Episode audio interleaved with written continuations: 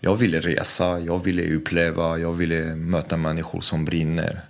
Jag vill inte umgås med folk som vill bara jobba åtta timmar per dag måndag till fredag och komma hem klockan tre på fredagar. Mm. Som vill, vill ha det lugnt och alltid likadant. Och jag ville vara med folk som är kaotiska. Jag ville få folk som gillar storm.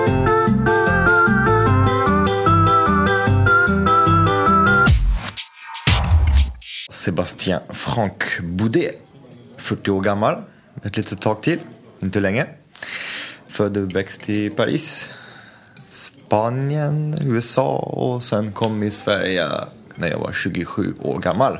Du har en stor familj tänkte jag börja med. Berätta om din familj. Eh, jag har en stor familj. Alltså min pappa är sist av 13 barn och min mamma är sist av 11 barn. Så jag har någon slags 360 kusiner, typ, aktigt. Så det är väldigt, eh, väldigt många i min familj och de är lite utspridda lite runt om i världen. Eh, sen jag har två bröder, en som är fantastisk, en som är dum i huvudet. eh, den fantastiska bor, eh, ja, bor snart i Peru, ska flytta dit och starta en, en gård där.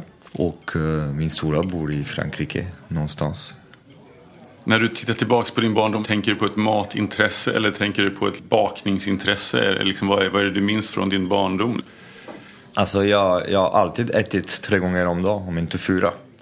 Eh, och är uppväxt i en familj där maten har suttit ganska centralt. Alltså en fransk familj med en pappa som är bagare, där vi bor i bageriet. Där såklart brödproduktion tajmade livet, inte tvärtom. Och eh, en mamma som Mm, alltid stod vid spisen och lagade mat. Eh, så att eh, det är klart att maten alltid varit väldigt centralt i mitt liv. Fast jag har aldrig reflekterat så mycket om det. Så det kände att jag vet inte, jag tycker alltid det är så himla löjligt. Folk som inte har något matintresse när alla äter. Känns, jag, jag, förstår inte riktigt hur man inte kan ha ett matintresse när man är, när man är en människa och äter mat. Kan du liksom komma ihåg speciella minnen från din tid i, i då i Paris, eller när du växte upp. Och, och var, det var, du säger att det är så naturligt med, med mat och matlagning. Vad, vad är det liksom du kommer ihåg mest? Liksom, eller? Ska, ska vi ta fram lite, lite dragspel också? Lite, lite Montmartre och... Ska, alltså jag har otroligt många minnen. Alltså doftminne, eh, alltså skorpa-minne, och värme och människor. och det är väldigt svårt att beskriva minne och ibland man inte heller behöver gå och fördjupa sig i minnen. Minnen är någonting som man kan bara låta vara på ett litet hörn någonstans och försöka inspirera sig av dem för att kunna uppleva idag och förverkliga saker. Jag, jag tycker det är skönt att skapa saker som återupplever ett slags minne. Mm. Utan att behöva just sätta fingret på just den minne och varför och hur. Att man bara gör det. Det känns bara bra. Men eh, nej, alltså det var, det var ju en blandning av bra och dåligt. Så allt har sina dåliga sidor och uh, min barndom med den nära kontakt vi hade med jobbet var otroligt uh, tung.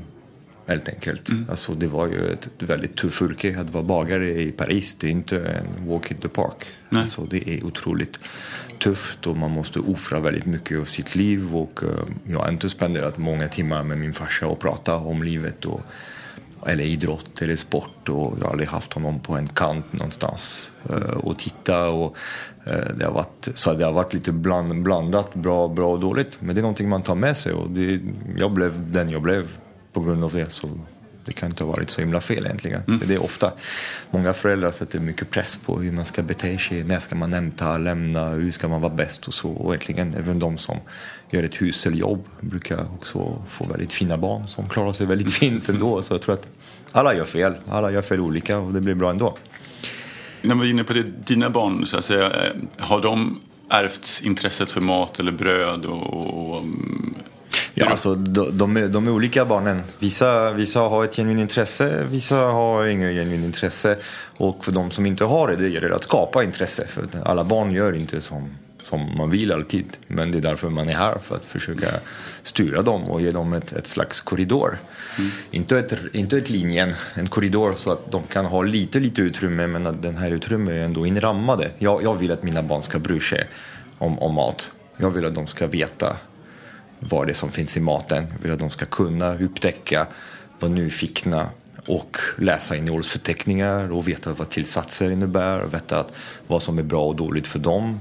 Och eh, eh, det känns som ganska sunt förnuftigt. Sen det är inte naturligt i alla barn och att vilja det. Men det gäller att vem är som bestämmer här? Det är jag och hemma är det jag som bestämmer. Så de åren de lyssnar fortfarande försöker jag plantera små frö. Mm.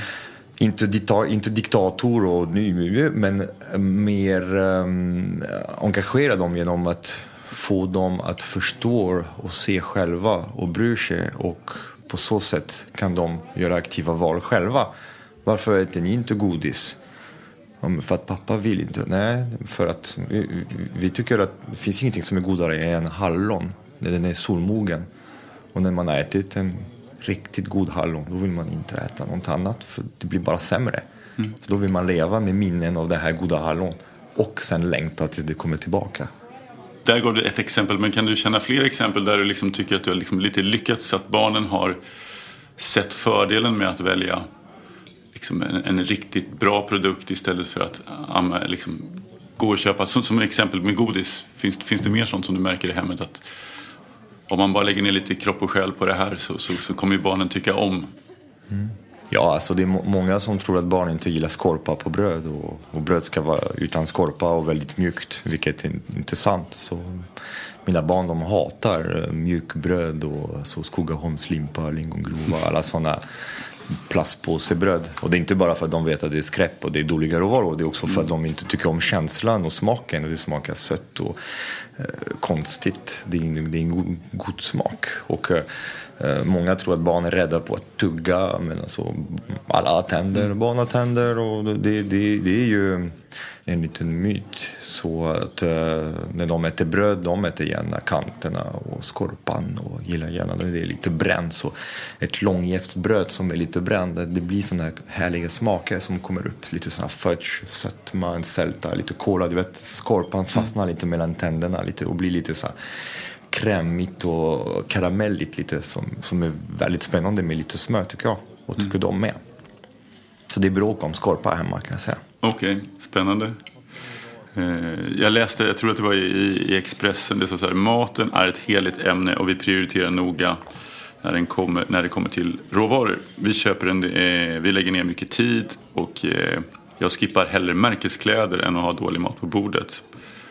Men det är lite det vi pratar om, liksom, att mm. det är viktigt med, med, med fokus på bra, bra råvaror såklart och, och tänka på vad man äter. Mm.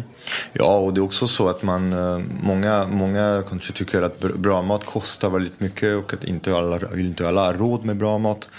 Och, eh, och jag säger mer att det är en prioriteringsfråga mm. över vad man lägger sin tid och sina pengar. Alltså tid har man, alla har tid. Alltså det gäller att bara ta den, den tiden. Tiden är ingenting man har, det är någonting man tar. Och Eh, för mig, den tiden jag lägger i matlagningen och förädling av råvaror, alltså om det är att köpa en större köttbit och stycka själv i mindre bitar och mala mitt eget köttfärs eller att göra mina egna pasta. Eller eh, ja, när jag gör en potatisgratäng, att göra tre stycken istället samtidigt. Så att då kan man ha mat lite framöver, fler.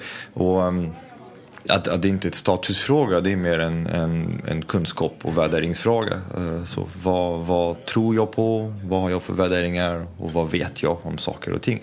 Och sen försöka använda det som ett positivt sätt. Så det var lite det jag ville. Alltså, märkeskläder är ju en sak. Bilen, mobilen, pengarna man spenderar på krog. Det, det, det är också mycket pengar och den pengarna kan man lägga på, på mat på ett annat sätt och lägga om. Alltså, jag satt och räknade lite och, och jag ser att vi, vi spenderar väldigt lite pengar på mat hemma hos mig.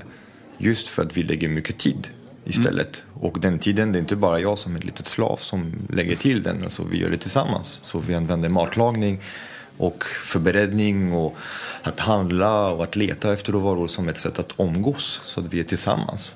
Kan prata och, och umgås tillsammans. Det blir ju kvalitetstid. Lätt mm. efter mat. Om, om du gör en liten sammanfattning där på det, innan du kom till Sverige. Du, du hade många år såklart i Paris men, men skulle du kunna bara sammanfatta hur åren såg ut tills, tills du landade här? Ska jag få två minuter prata om 27 år? Eh, ja, som sagt kom jag när jag var 27. Det, förklarar lite varför jag pratar lite, fortfarande lite konstigt efter, trots jag har varit här i 15 år.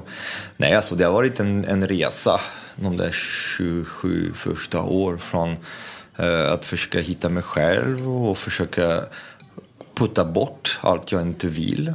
Eh, alltså jag är växt i en brödvärld eh, med mycket mat och mycket principer jag hatar principer och saker som måste vara bara för det är så, varför för det är så.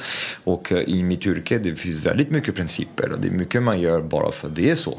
Mm. Och det finns ingenting att diskutera och särskilt i Frankrike det har varit otroligt svårt för att jag var ung och kaxig och jag ifrågasatt allt. Och det var en tid, alltså på 90-talet, där man fick inte ifrågasätta någonting. Och för mig, det var min bästa sport att ifrågasätta saker. För att jag tror att det är så mycket lättare att göra saker när man förstår det man gör och man vet varför man gör någonting. Och, eh, så det har varit en tuff period för att hitta mig själv via min bakning och försöka titta bort från vad alla gamla gubbar hade för, för givet att det är så det är, lilla Sebastian. Mm. Så gullig och snäll och duktig som du är, det är så det är. Punkt slut. Och det är så man alltid gjort och det är så man ska alltid göra. Och jag, och jag köpte inte det. Fick du svar då? Ja, varför gör du då? Därför, varför, därför, varför, därför. Till slut det blir käften, jag, som jag säger, det är jag som bestämmer här. Och det funkar inte för mig. För att jag, jag, det, det, det är därför jag, jag blev lite som jag blev. Att jag fortsätter ifrågasätta för det har varit så tacksam och så givande att ifrågasätta saker som var så kristallklara. För idag allt som var så kristallklart för 30 år sedan, det är inte så kristallklart längre. Branschen har förändrats så otroligt mycket. Och det, om det är mat och restaurang, eller dessert eller bröd, allt har förändrats. Och det som var så himla kristallklart nu är ju, nu det är bara, det är bara, man tänker bara det har varit en period när det var så. Var det självklart för dig att du skulle hamna med, med bakning och, och det här eller, eller kunde det bli något annat eller, eller var det ett fokus som kom Nej, alltså när jag tänker på det, jag hade, jag hade kunnat göra i stort sett vad som helst. Alltså, jag var väldigt uh, duktig i skolan. Jag hade en bra matte i huvudet och jag, jag är en sån som jag väljer en, en, en vägg och sen bara kör 100, 100, 100 km i timmen, gasen i botten och bara kör. Mm. Uh, så att uh, jag hade kunnat göra lite, lite vad som helst kändes så. Men uh, jag, jag, jag, valde, jag valde det. Och det var en blandning av ett protest och ett ett sätt att kanske välja att göra ett yrke som, är, som verkar vara väldigt enkelt för att kunna ha utrymme för att kunna ju kanske få chansen att förändra och känna sig i kontroll över, över sin framtid. Jag ville resa, jag ville uppleva, jag ville möta människor som brinner. Jag vill inte umgås med folk som vill bara jobba åtta timmar per dag måndag till fredag och komma hem klockan tre på fredagar. Mm. Som vill, vill ha det lugnt och alltid likadant. Och jag ville vara med folk som är kaotiska. Jag ville få folk som gillar storm och som gillar alltså, förändringar och som gillar att, att utmana sig själv. Och, och, då, och då var ju den branschen verkligen allt detta. Jag fick allt. Som 19-åring kunde jag resa, hamna i ett nytt stad någonstans i världen och kunde få jobb på en gång. Och helt plötsligt bli en del av en familj. Och, uh, utmana mig själv och möta nya råvaror, nya producenter och nya produkter. Och, och, och, folk som alltid utmanade och klagar och gnäller och kämpar och berömmar och kramar och gråter. Och allt det där var ju väldigt, väldigt spännande. Men, men sålde du in dig som, som bagare då eller kunde det vara, du kunde söka vilka jobb som helst? Eller, eller var... Mm, alltså det har varit blandat. Jag har sökt de jobb som fanns. Alltså jag försökte alltid sikta mot det jag var bra på såklart. Alltså det var ju bröd och dessert som var min huvud, huvudsyssling. Uh, och uh, det är klart att som fransk utbildad konditor och bagare i Frankrike var jag en av hundratusental andra. Uh, när jag flyttade till Spanien då var jag en av 20 tusental. Okay. Flyttade till USA då var jag en av 2000-tal och när jag kom till Sverige då var vi ju en av fem. Mm. Kanske då för 15 år sedan. Uh, så det, var, det, är klart att det, uh, men sen när man jobbar med dessert och bröd och jag valde väldigt tidigt att jobba med krog. Inte med bagerier och konditorier, särskilt eh, i den tiden på 90, 90-talet, 2000 då, då bröd och dessert det var väldigt mycket allfabrikat och mycket pulver och mycket så här utseendebaserat, inte så mycket smak och råvara, fokus inom bröd och dessert. Då valde jag tidigt att jobba med restauranger, att jobba på krog. För att när jag jobbade på krog, då träffade jag kockar som drevs av sina smaklökar, sina doftsinne. De ville att det skulle smaka, det skulle vara textur, temperaturer, råvara. Hade ett mycket mer större fokus som bagare och konditor. Jag ville jobba precis som en kock. Jag ville förädla råvaror. Jag ville inte bara stå här och blanda och följa en mall med efter 10 minuter, svälj, bla bla, 5 minuter, pang och sen 32 grader. Och sen det, det, det, det var jag inte intresserad av att jobba med. Så att eh, det gjorde att eh, när man är konditor och bagare på en krog det blir väldigt lite att göra när servicen börjar. Vilket gör att man, man hoppar in i kallskinka, man hoppar in i varmköket och, och då hjälper man till och är man nyfiken då kan man lära sig sjukt mycket. Vilket jag gjorde så att jag, jag fick en kockutbildning på köpet under alla, under alla dessa år och gör att idag jag kan jag, jag skulle kunna jobba som varmkökskock och grill och fisk och, och konditor och bagare och konfektyr och göra praliner. Alltså jag skulle kunna i stort sett göra vad som helst som jag tyckte hade varit kul. Men, men om vi tittar idag 2016, vad, vad ser du dig som då? Liksom? Är du, du är liksom föreläsare och du eh, har kurser och du gör väldigt mycket och du är med mycket i tv. Vad liksom, hur skulle du beskriva, om, om du träffar någon vän och så, ska du, så frågar hon eller han, vad gör du idag Sebastian? Vad, vad säger du då? Alltså jag, jag är bagare, konditor, kock. Det är det, det jag, jag är. Sen efter Eh, jag har eh, tagit en liten, en liten vändning i hur jag praktiserar mitt jobb helt enkelt. Alltså jag har eh, jag är fortfarande bagare, konditor. Sen att föreläsa, det är bara ett sätt att sprida sin kunskap. Jag tar en liten paus i tillverkning och har butik och levererar produkt dag efter dag efter dag och, och känner att jag kanske gör mig nytta nu av att eftersom vi är på ett sånt där kraftigt period där allt förändras och vi måste skapa förändringar i vår bransch. Eh, så vi som jobbar med mat måste eh, skapa de där förändringarna för att jordbruket måste förändras, vårt sätt att producera vår mat måste förändras, vi måste ändra vårt sätt att konsumera och för att kunna komma till de mål vi har för att kunna ha kvar vår planet och, och, och, och, inte fortsätta fucka upp allt som vi har gjort de senaste 50-60 år. Och, det är kul att få vara med och skapa de där förändringarna och hjälpa andra att också hänga med. Mm. För är man ett litet ställe så bra den är påverkar man väldigt lite. För att man påverkar i en liten bubbla. När jag gör det jag gör nu, som reser runt om i landet och, och träffar människor som har faktiskt ganska mycket makt i sitt område.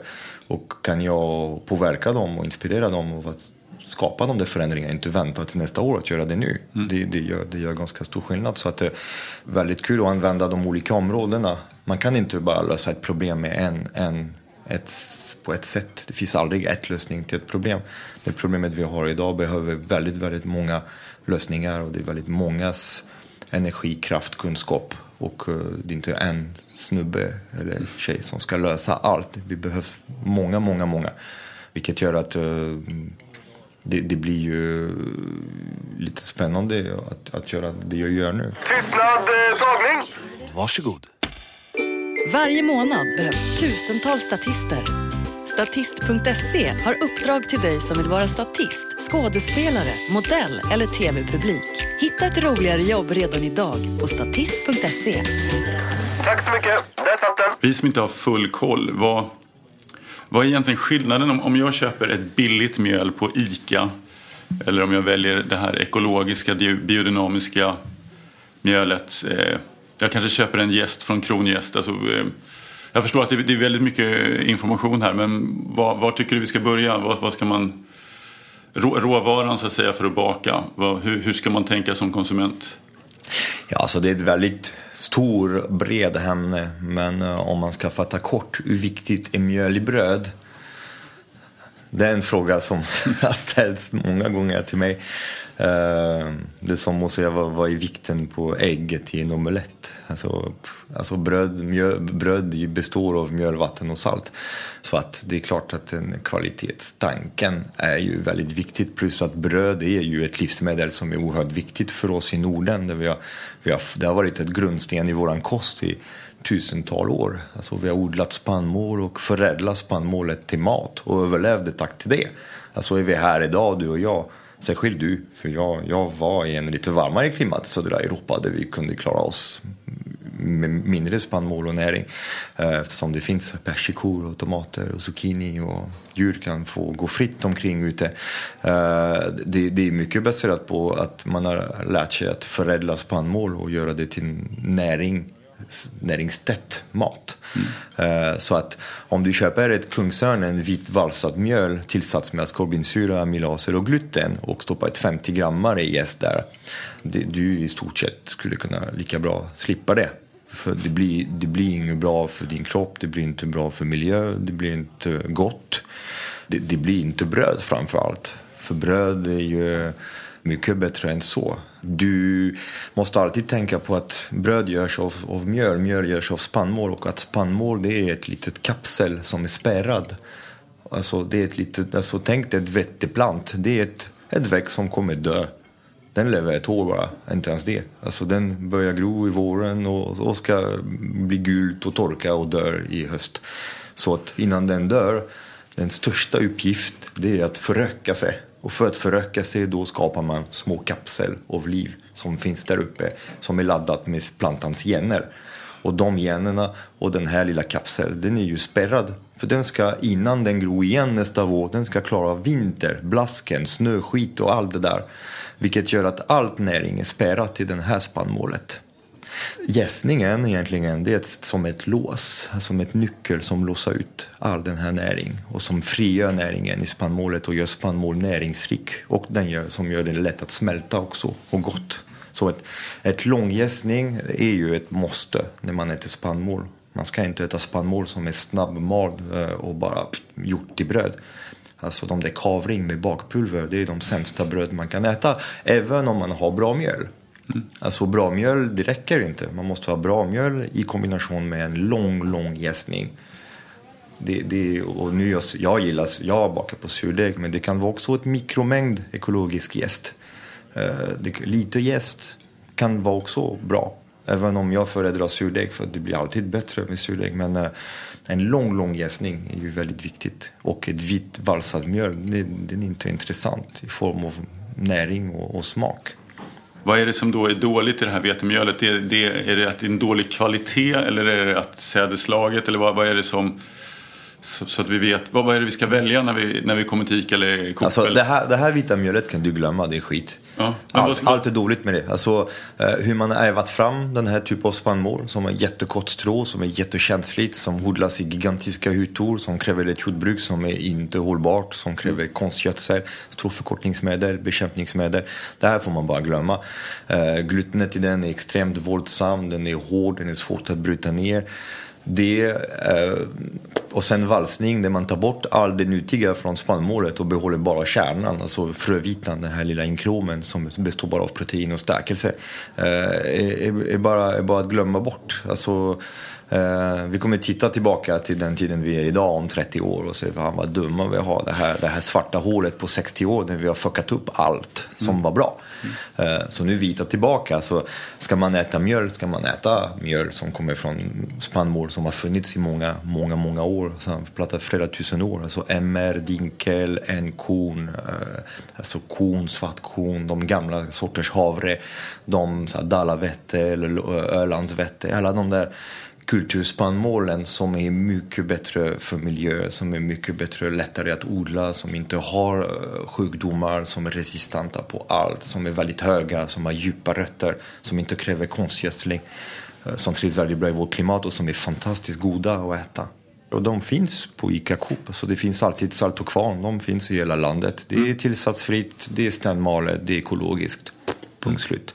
Då, de är överallt. Sen det finns andra mindre kvarnar som har mycket mer nischade mjöler, mycket mer nischade produkter som är lite mer unika. Mm. För Salto för att kunna behålla sin produktion och kunna försörja hela landet eh, som de gör. De måste såklart eh, vara lite mer eh, organiserade och ha, och ha ett lite mer tyngre logistik såklart. För att anpassa de stora, stora eh, livsmedelsbutikerna. Men eh, idag är det inget problem att hitta bra mjöl. Alltså vill du hitta bra mjöl, hittar du det. Alltså vill du byta telefon, då kommer du ju börja googla, kolla, jämföra och lägga tid på det. Priset är en första faktor, men det är någonting som, som folk kanske inte tänker på, vilket är helt galet när man tänker mat. Mm. Det är att man måste börja prata näring. Mm. När man tar ett enkelt livsmedel som bröd som består av mjöl, vatten, salt. Om man pratar kvalitet och näring, man pratar alltid bara protein i stort sett. Mm. Protein, kolhydrater. Men eh, när man börjar titta lite i de bra bröd kontra de dåliga bröd. Där ser man gigantiska skillnader på B-vitamin, på D-vitamin, på järn, på zink, på, på, alltså på aminosyror. Och det är klart att eh, om man tar ett spannmål som har haft rötter som går 10 meter under jorden och som odlas i ett och ett halvt år, för de planteras i höst och odlas, alltså de planteras i våren och, och, och blir vintersorter och som får vara väldigt länge ute i fält. Eh, de kommer, ha ett mycket, de kommer bli mycket näringstätare. Sen man tar den här fina spannmålen och mala den och inte riva bort allt det nyttiga. Alltså man tar inte bort skalet, klin och borsten. Alltså man behåller hela kornen så att man äter fullkornsmjölet. Alltså mm. inte att man stoppar fullkorn, alltså att man stoppar kli i, i bröd. Men att man använder hela kornet på mjölet, på, på spannmålet. Och då får man otroligt mycket mer näring i sig och då blir ju prisfrågan inte relevant längre för att jag kan baka ett bröd på svedjeråk till exempel som jäser i två dagar. Ska du äta en skiva på det då kommer du få lika mycket B12-vitamin än om du hade ätit två hela jävla lingongrova. Alltså tänk, ja. en skiva som kan motsvara två hela bröd. Ja, det är... Då är plötsligt den här mjölet blir jäkligt billigt. Men jag, jag klamrar mig kvar lite där i, i, i brödbutiken där de flesta föräldrarna hamnar och, om man ska köpa ett bröd. Och sen så kanske man, nu kan det ju vara liksom trendigt och så säger man 30% frukt innehåller något. Liksom 30% mm. rotfrukter, mm. 40% fullkorn. Eh, men, men, men finns det något då knep alltså av de här bröden som du hittar på ICA och Coop? Finns det någon Good, Nej. good guy, det gör inte det? Nej. Du ska gå till ett bageri liksom? Eller vad, vad, går du... du ska gå till ett bageri eller baka själv eller, eller, eller inte, inte äta bröd. Det låter som hårda, hårda ord men det, det, det, tyvärr är det så. Jag, jag köper några, några knäckebröd är, är bra och, och som, som finns och spises och sen lite sådana tunnbröd som är lite hårdare som kommer från lite mindre bagerier som använder kornmjöl och som jäser väldigt länge. Nej, och de där bröd med grönsaker och de där bröd som, alltså kolla på prislappen på dem. Alltså de kostar 70 spänn kilot. Det, alltså, det är dyrare än en butiks, alltså en, en sån riktigt hantverkstillverkat bröd. Mm. Uh, och det är inte ens ekologiskt och det är fortfarande 70 spänn. Alltså det är dyrare än vad jag skulle sälja bröd om jag bakade bröd om jag hade ett bageri. Uh, så att, uh, och sen det är väldigt mycket luft. Mm. Ni måste också tänka att luft är gratis. Mm. Alltså när ni köper ett bröd som är så här stor och väger ingenting. Det är bara luft ni köper och ni måste tänka på allt som krävs för att få så mycket luft i mjöl. Det är ju tillsatser, det är antioxidanter, det är massa jäst och det är massa med gluten som man måste tillsätta. Eh, alltså man kan, bröd behöver inte vara så luftigt egentligen. Mm. Det kan vara lite, lite tyngre, lite mer kompakt. Alltså det, det är inget fel på det det är mat, det är inte luft man äter. Luft är gratis, man kan andas istället. När vi pratade innan vi startade intervjun så, så, så sa du att det är inte så svårt att baka hemma.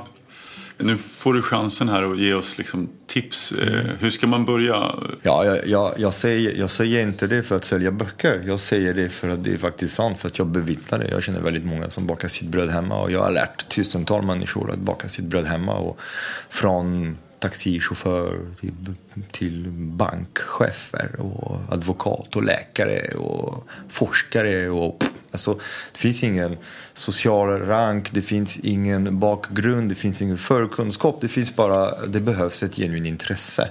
Och det behövs bara sluta se bröd som ett slags kemi som inte är tillgängligt. Det finns olika nivåer för att baka bröd. Man kan baka bröd på olika sätt. Det är, ungefär, det är precis som cykling. Eh, alltså det finns folk som cyklar de måste ha en eh, magnesiumcykel som väger 650 gram. och De har speciella skor och speciella kläder och raka benen och, och stå här och kötta i 30 mil. Eh, de kan inte ens stanna för att kissa, de kissar på sig och, och, och, och stå här för det ska gå fort. Det ska, och det, de kommer igång. Jag kommer inte igång på det. Jag tycker det är skitlöjligt. Behöver raka ben och så. Vilket gör att jag har en tralala-cykel med en korg framme. Och jag går omkring i skogen och och trampar och handas och när jag vill stanna, jag kan stanna och jag ser lite svamp och lite blommor, kan stanna, ta en bil och fortsätter och andas. Det, det är också fantastiskt fin cykling. Alltså båda är cykling. Det är bara den ena cykling kräver jäkla om investering i form av pengar och tid och kunskap, engagemang. Alltså det, man måste ju, för att komma på den nivå, för att komma på min nivå, det krävs bara att hoppa på en cykel och trampa. Båda är cykling. Det är samma sak med bröd. Alltså, det är klart om du tittar på film och, och det och Instagram och Facebook och ser den där, den där. Du tittar på människor som har satsat 20 år av sitt liv för att, för att, för att komma så djupt in i bröd. Så att, på en konstnärlig nivå nästan. Så att det blir, och, och du vill göra likadant. Det blir svårt. För då måste du också inve- investera tid och engagera dig. Men bröd i stort sett, det är bara att ta en balja, stoppa vatten, mjöl, salt, lite surdeg som är bara mjöl och vatten som har ju börjat bubbla för det det har börjat jäsa. Och, och sen blanda det. Sen när det börjar komma igång, du gör ett litet varv, sen kommer igång, sen stoppar den i kylskåpet dagen efter och dagen efter. Det är bara spluff, stoppar den på en plåt och bakar det. Du får bra bröd på det. Sen vill du komma till en högre nivå, då måste du ju fördjupa dig, du måste satsa och ge tid och last- lasta med lite mer kunskap. Och, och det kommer också bli jättebra bröd. Men det är, det är inte ett bröd som är sämre än den andra. Men man skulle kunna säga att om man väljer en, en, en bra produkt, alltså ett bra mjöl fast, och, och så kanske jäser med en vanlig jäst över natten så ska man ändå få liksom en, en okej produkt. Skulle du säga så? Ja, alltså det, om du lägger tid på en bra råvara då, då kommer det bli alltid fortfarande bättre än om du lägger ingen tid på en bra råvara. Eller om du lägger ingen tid på en dålig råvara. Eller om du lägger tid på en dålig råvara. Eh, det är alltid bättre kombo. Eh, bra mjöl räcker inte. Surdeg räcker inte. Alltså ett bra bröd det är en helhet. Det är, det är flera aspekter. Uh, jäsningen ska ta tid. Sen om det är jäst eller om det är surdeg, det, det är skillnad. Men det är fortfarande mycket bättre att ha en liten smula jäst i en, eh, i en deg eh, och att ha en jäkla stor 50 gram paket. Så det borde finnas ett lag som förbjuder eh, att stoppa 50 gram jäst i en, i, i en deg. För det är galet mycket. Det, det är så dåligt. Alltså jäsning, det är inte bara Gästsvampar som gör gas. Gästning det är tusentals processer som skapar miljontals interaktioner som inte bara påverkar eh, så fluffigheten i degen. Det är också saker som pågår inom stärkelse och glutenet och andra ämnen som kommer ju... Alltså ett, ett jäsning, en deg som jäser, det är ungefär som matsmältning. Fast som pågår utanför din kropp. Så du behöver inte utsöndra energi själv för att smälta. Ett bröd som jäser i två dagar i en korg, det är ju det är jobbet som pågår utanför din kropp. Det är matsmältning. Alltså pH går ner, proteinerna bryts ner, stärkelse bryts ner av enzymer och frigör socker, skapar jästsvampar som fortsätter äta socker, gör gas och sänker pH och, och, och gör brödet nyttigt, näringsrikt och mättande. Det får du inte på en timme, det går inte. När du grundade ditt eh, bageri här i Stockholm för många år sedan. Hur, eh, Den som jag inte har kvar. Alltså. Det som du inte har Ja, kvar. så inte alla springer dit. Men jag tror att jag- är kvar där. Petit France. Eh, men berätta lite, hur, hur hittade du lokalen? Alltså hur, hur startade du det? Hur kom du på idén och, och hur, hur blev det så? Mm. Alltså jag, jag hade ett litet leveransbageri på, på Stora Essingen och eh, startade själv. Eh, det var ganska galet. Så jag knappast pratade svenska och startade ett bageri och byggde lokalen och, eh, ja, och, och fick ihop det. Kämpade som ett djur några år. Och sen var vi rätt många där och bakade bröd till alla, alla stora fina restauranger, alltså Stockholms krogar och restauranger, och hoteller och kaféer.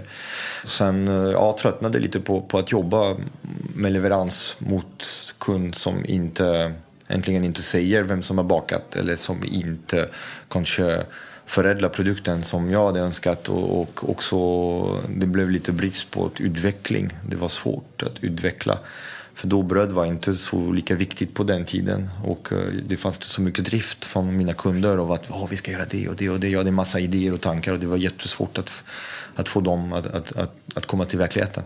Så att uh, ja, jag och min lillebror som hade precis kommit till Sverige, vi bestämde oss att vad fan, vi ska, ska starta ett, ett franskt bageri med ett dörr så folk kan komma in så vi kan så vi kan börja, för det fanns ingen fransk bageri. Och tänkte, det, den franska bakkonsten blir ju mer eller mindre misshandlat runt omkring i hela, hela stan. Tänkte, det är bra om det finns ett ställe som, som kan göra eklärerna raka och avlånga och inte med chokladtopping och vaniljkräm köpt från KK i Kobia i, i, i där. Mm. Och uh, kanske få riktiga croissanter som inte kommer från Delifrance Bake från en kartong som kanske görs på bra mjöler och bra bra råvaror. Och, och, och, det var ett utmaning, för det var ett stort projekt. Det blev, så jag köpte en, en gammal krog. Jättefin anrika krog som hade gått åt pipan lite. Som på, och, och förvandlade det till, till ett bageri, ett konditori, ett restaurang, ett café. Och lite allt blandat kompott. Där mm. Allt var viktigt. Jag gillar interaktioner och att just inte bara ha ett bageri och inte bara göra bröd. Att jobba med mat också, jobba med dessert, jobba med med allt tillsammans för då kan man vara mycket mer konsekvent kring råvaror och använda verkligen allt. Det, det var inget slöseri, inget spill och man använde verkligen allt. Man gjorde allt från grunden och, eh, och det märktes för det, det var väldigt eh, eh, det var, jättehypat.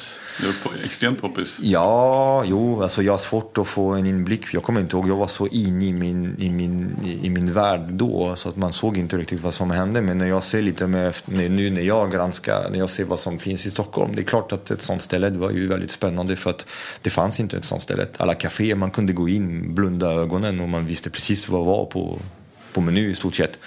För alla hade ju i stort sett likadant. Så att eh, det, det, det, det, var, det var en väldigt spännande. Men nu, nu är det sålt sedan fem år tillbaka och ehm, det, det har varit också väldigt bra för mig att sälja och inte sitta fast i det. För jag hade så många andra drömmar och tankar och ville också göra andra saker.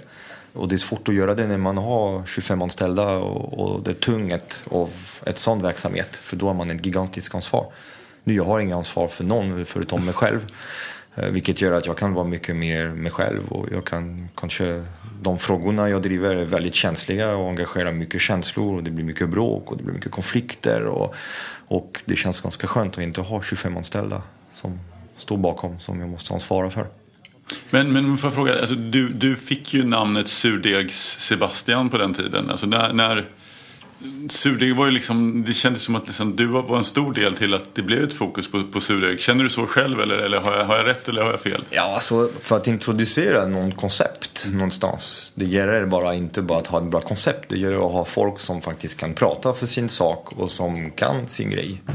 Uh, surdeg det är ingen trend för det är någonting man har gjort i tusental år. Mm. Uh, det är ingenting som, som är här och för att stanna eller inte. Och så. Alltså det, det, det, för mig det är det klokaste sättet att baka bröd. Och surdeg är ett väldigt liten bråkdel av ett bra bröd. Ett bra bröd är mer än det. Så att, ja, det har varit lite mycket fokus på surdeg för det, det, det har varit en, en liten ja, hype och media-hype och jag har kanske använt den media-hypen för att fler ska inse att bra bröd eh, behöver göras på det sättet. Uh, nu när hypen är borta, nu, nu alltså skulle jag öppna ett bageri idag, jag skulle inte skriva surdegsbröd. Jag behöver inte, det, förresten jag har aldrig skrivit surdegsbröd mm. på mina bröd. Mm. På till frans det stod bröd, bröd, bröd, bröd, bröd med det. Så jag pratar smak, textur, inkrom, jäsningstid, vilken råvara jag använt, vad, vad, vad passar den bra till. Men det här brödet, det här är ett bröd med rågsurdeg, vetesurdeg och 30%, 25%, 12%. Det, det ser ingenting. Det ser ingenting. Det ska, ska du sälja en maträtt och säga det här är lasagne, 12% kött, 25% pasta, uh, hälften är råg och alltså, bechamelsås på uh, mjölk på 2,2% fett. Alltså det, det, man vill prata ju smak, känsla, och sen man skapar ett utseende på brödet som, som passar bra till, till det, man, det man vill berätta. Jag hoppar lite här och, och tänkte prata lite, lite tv. Dessertmästarna i kanal 5. Eh, när du liksom hoppar på ett sådant här program, tycker du att fan det här är kul? Liksom? Eller vad, hur känner du liksom när du går in i ett sådant projekt? Är, är det spännande att träffa nya människor? Och, och det blir ju liksom väldigt annorlunda kan jag tänka mig mot, din, mot en vardag. Ja, ja, alltså det är klart. Eh, Det, det är ett fantastiskt hjälpmedel för att kunna eh, utföra det jag egentligen brinner för. Alltså, jag vill kunna gå in, som det gjorde igår, som man kommer in i ett offentligt kök, träffar 25 kvinnor som lagar mat för 4 000 barn varje dag och inspirera dem. Och hur kan jag få dem att lyssna på mig? Delvis det är för att jag gör det jag gör på kanal 5 eller TV4 och det, det ger mig ett status. Det är jävligt tråkigt men det är bara så det är. Jag får ett mycket bättre röst när, när man är offentligt. Så jag spelar spelet och jag använder det. Sen det är jävligt kul att sitta i ett jury och smaka på dessert en hel dag och vara på TV och, och och eh, vara med i den lilla bubblan. Särskilt för mig som TV är en sån, sån liten, liten del av, av mig och min verksamhet. Alltså det är så lite, jag gör så mycket mer, det är så minimalt. Det är det som syns som mest kanske, men det, är så lite, det kräver så lite tid och det är så liten så att eh, och jag hänger inte på det heller. Det skulle kunna sluta imorgon. Det skulle inte spela någon stor roll över, överhuvudtaget. Men äh, det här mesta, det, det är en rolig det är ett roligt jobb. Nu vi har kört fyra säsonger och, och, eh, och, eh, och nu vi har kört den, äntligen den roligaste säsongen i år faktiskt. För att man har ändrat lite konceptet och, och jag känner att jag har fått vara lite med mig själv. Vilket är ganska kul. Men, men alltså, de här säsongerna, har du någon, något minne, något speciellt, någon person eller någonting som, som du... Det här var ju eh, jäkligt... Eh, hon var ju, eller han, eller var det nå- någonting så som du tänker på? Ja, alltså det finns många, många fantastiska minnen jag har. Alltså, jag har träffat människor, jag har fått vänner för livet genom programmet. Ber- Berätta någon, någon historia eller någon, någon ja, person. men eh, ta, ta Joel och Thea, alltså säsong två, finalen. Alltså de, de är så fantastiska människor. Alltså in och ut, yrkesmän, skills, värderingar, eh, passion och sen hur de har ju, och de har ju satsat så hårt och, och tävlat in i helvete och gett allt de hade.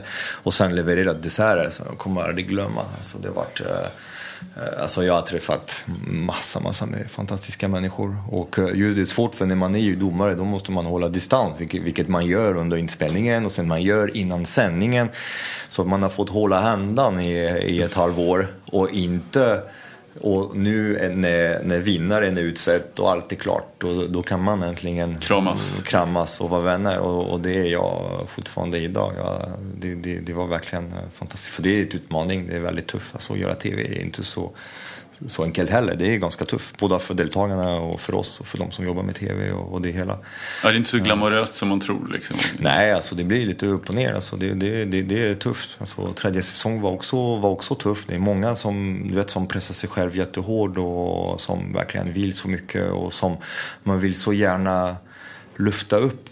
Alltså utan dessertmästarna, jag ser vad Joel och Thea äh, har lyckats med nu idag. Alltså, Thea har skrivit bok, Joel har skrivit bok. De har, blivit, alltså, de har väckt så mycket i sin roll och blivit så Alltså de var så bra och jag tyckte att de förtjänar att bli mer, mer kända så att de kan inspirera.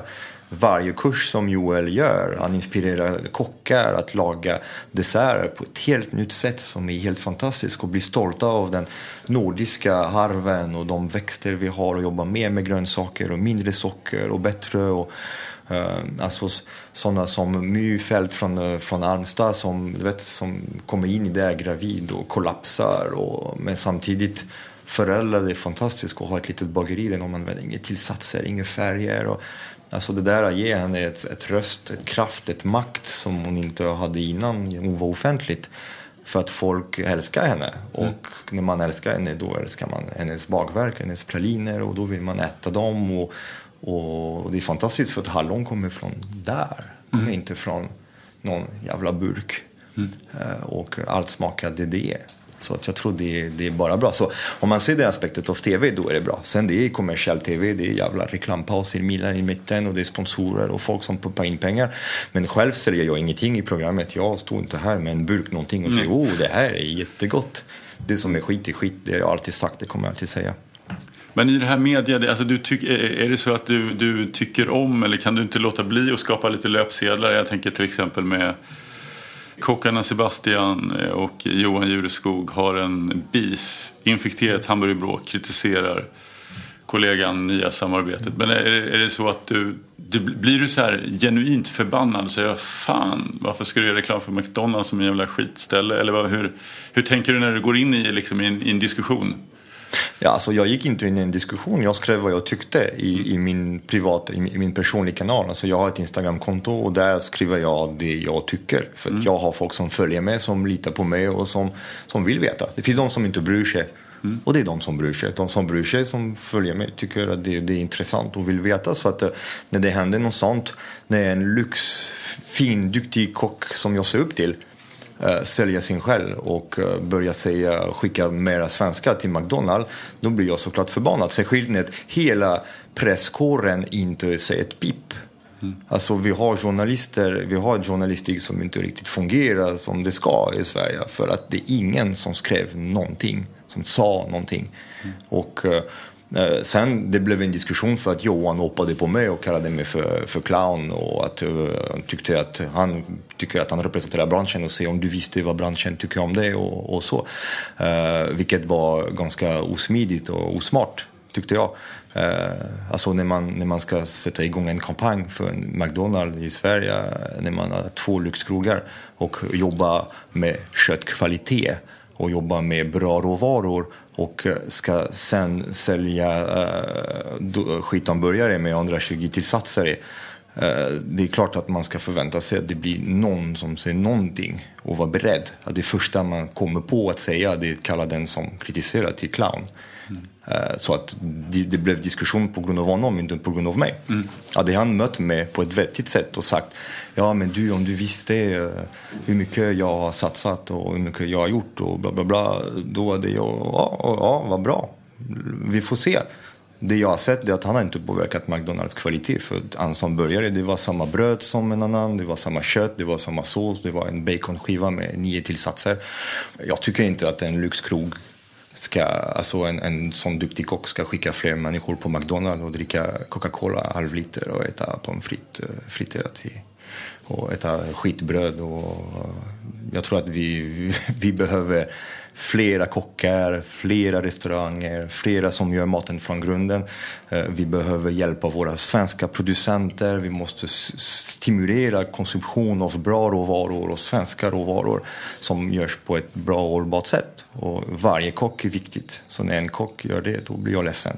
Jag, men, jag, jag, tänker på Jamie Oliver. Är det inte så att han lyckades ändå påverka McDonalds i England att, att producera mer ekologisk mat? Nu, nu har inte han, han, han har inte gjort någon egen hamburgare däremot. Men han har legat på vad jag förstår det som, om, om jag kommer ihåg rätt. Men... Alltså jag försöker inte spela Jimmy Oliver, jag skiter i mm. honom. Alltså mm. Han har gjort bra grejer, dåliga grejer. Han kämpar på, han har fyra, anställda, fyra andra anställda. Mm. Eh, han är ju ett verksamhet, ett varumärke. Jag är bara jag, lilla jag, som mm. står här med min telefon och, och säger vad jag tycker. Och uh, försöker, så drivs av värderingar och, och, som, som vill ta mig fram. Jag vill kunna se mina barn om 20 år i ögonen. Alltså, det är lätt för Jureskog, han har inga barn, jag har barn. Jag vill se dem i ögonen om 20 år och känner att jag inte stått här och poppat in eh, och surfat på en våg och tjänat massa med pengar på saker som är, som är inte bra för, för, för dem. Jag tror att vi har ett gigantiskt ansvar och eh, det, det, det, det, det är vad jag står för och det får jag göra. Och det är lite roligt för att det har varit mycket, jag har fått mycket skit för det och jag har fått mycket beröm, jag har fått både och. Och, och uh, många har trott att så här får man inte göra, så här får man inte säga. Och det är tydligen inte så riktigt sant, för det faktiskt går. För jag finns det kvar och jag har mm. mycket jobb och jag mår jättefint och jag känner mig... Och jag går förbi en spegel varje gång uh, jag gör det då och känner mig att jag har gjort rätt. Mm. Det, jag kommer fortsätta göra så. Och det är inte för att göra rubriker. Det är för att det är viktiga samhällsfrågor. Det är frågor som vi måste diskutera. Vi kan inte bara göra strutsen och stoppa huvudet i sanden varje gång det kommer ett problem.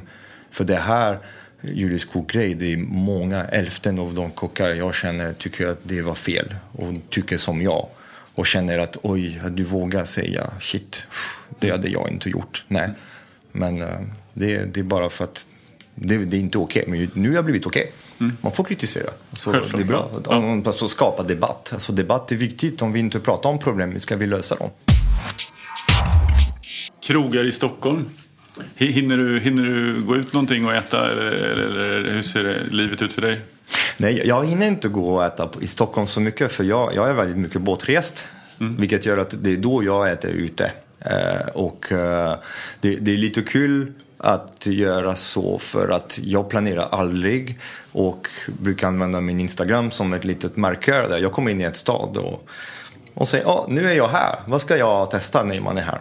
Och då får man massa med tips och folk. Och jag tror att det, det blir nyttigt för mig, så då hittar jag bra stället att äta på en gång. Eh, och sen det blir nyttigt för andra som följer, för de får, jaha just det, i min stad finns den här stället, det har jag inte tänkt på. Och, eh, så det blir li- lite roligt. Stockholm, eh, jag har jävligt god mat hemma hos mig. Så att när jag är i Stockholm då brukar jag äta hemma. eh, faktiskt. Men det finns många bra restauranger som jag, jag tycker om i Stockholm. Som är genuina och som Men, men, är men säg, några stycken, alla som brukar komma hit brukar få Ja, jag tycker Gro är fantastisk. Jag tycker att, eh, jag tycker att eh, alltså, eh, Calvo Hansen på Mariatorget och Hammarby Sjöstad. Alltså enkel, snabb mat, ekologiskt. Jag tycker om eh, ja, med sådana så här falafelbaren. Som det behöver inte vara pretentiös heller. Alltså bra check, under la lapp, pang. Så, bra agrikultur. Alltså Filip Fastén, han är också underbar. Och Paul Svensson på Fotografiska. Som jag vill luxa till, då går man till, till de, de klassiska Franzén, Dahlgren, alltså NK. Att gå upp där på Boberg och äta. Alltså Fredrik, han är fantastisk. Och, och han har verkligen f- få in en jätte, jättefin matsedel och levande, växlande. Det är endaste anledningen jag skulle gå till NK. Alltså, jag hatar det här stället. Man bara går till femte våningen. Och, Fin det finns- där. Fin atmosfär. Ja, alltså det jag gillar för det, det, det andas arv och kultur och, och sen det blir lyxigt men inte för pretentiöst och det, och det är bra. Och lite, alltså det, det, var, det var fint. Eh, och ehm, Nej, alltså det, det är många bra, bra ställen i Stockholm. Alltså, det, det, alltså Lilla Ego är också fantastisk, även om, eh, även om, om Tom är förbannad på mig. Men eh, jag tycker fortfarande att han, är, att han är bra och han gör jävligt bra check. Eh, Jag brukar avsluta här med, med några frågor från eller två frågor från mina barn. Mm. Och då, säger, då frågar min åttaåriga son Leo, han frågade, gillar du chokladbollar?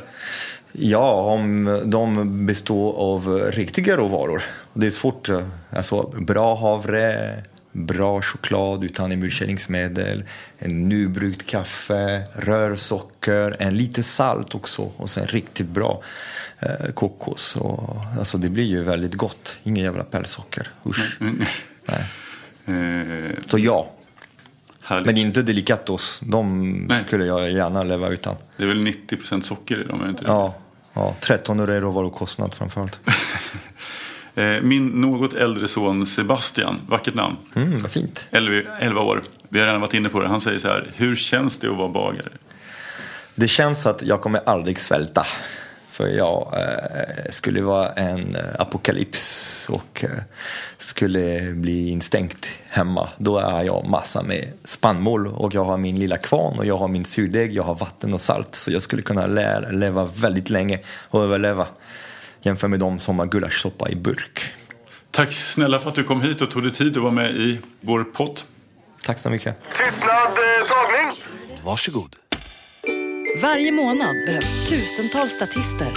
Statist.se har uppdrag till dig som vill vara statist, skådespelare, modell eller tv-publik. Hitta ett roligare jobb redan idag på statist.se. Tack så mycket. Där satt den.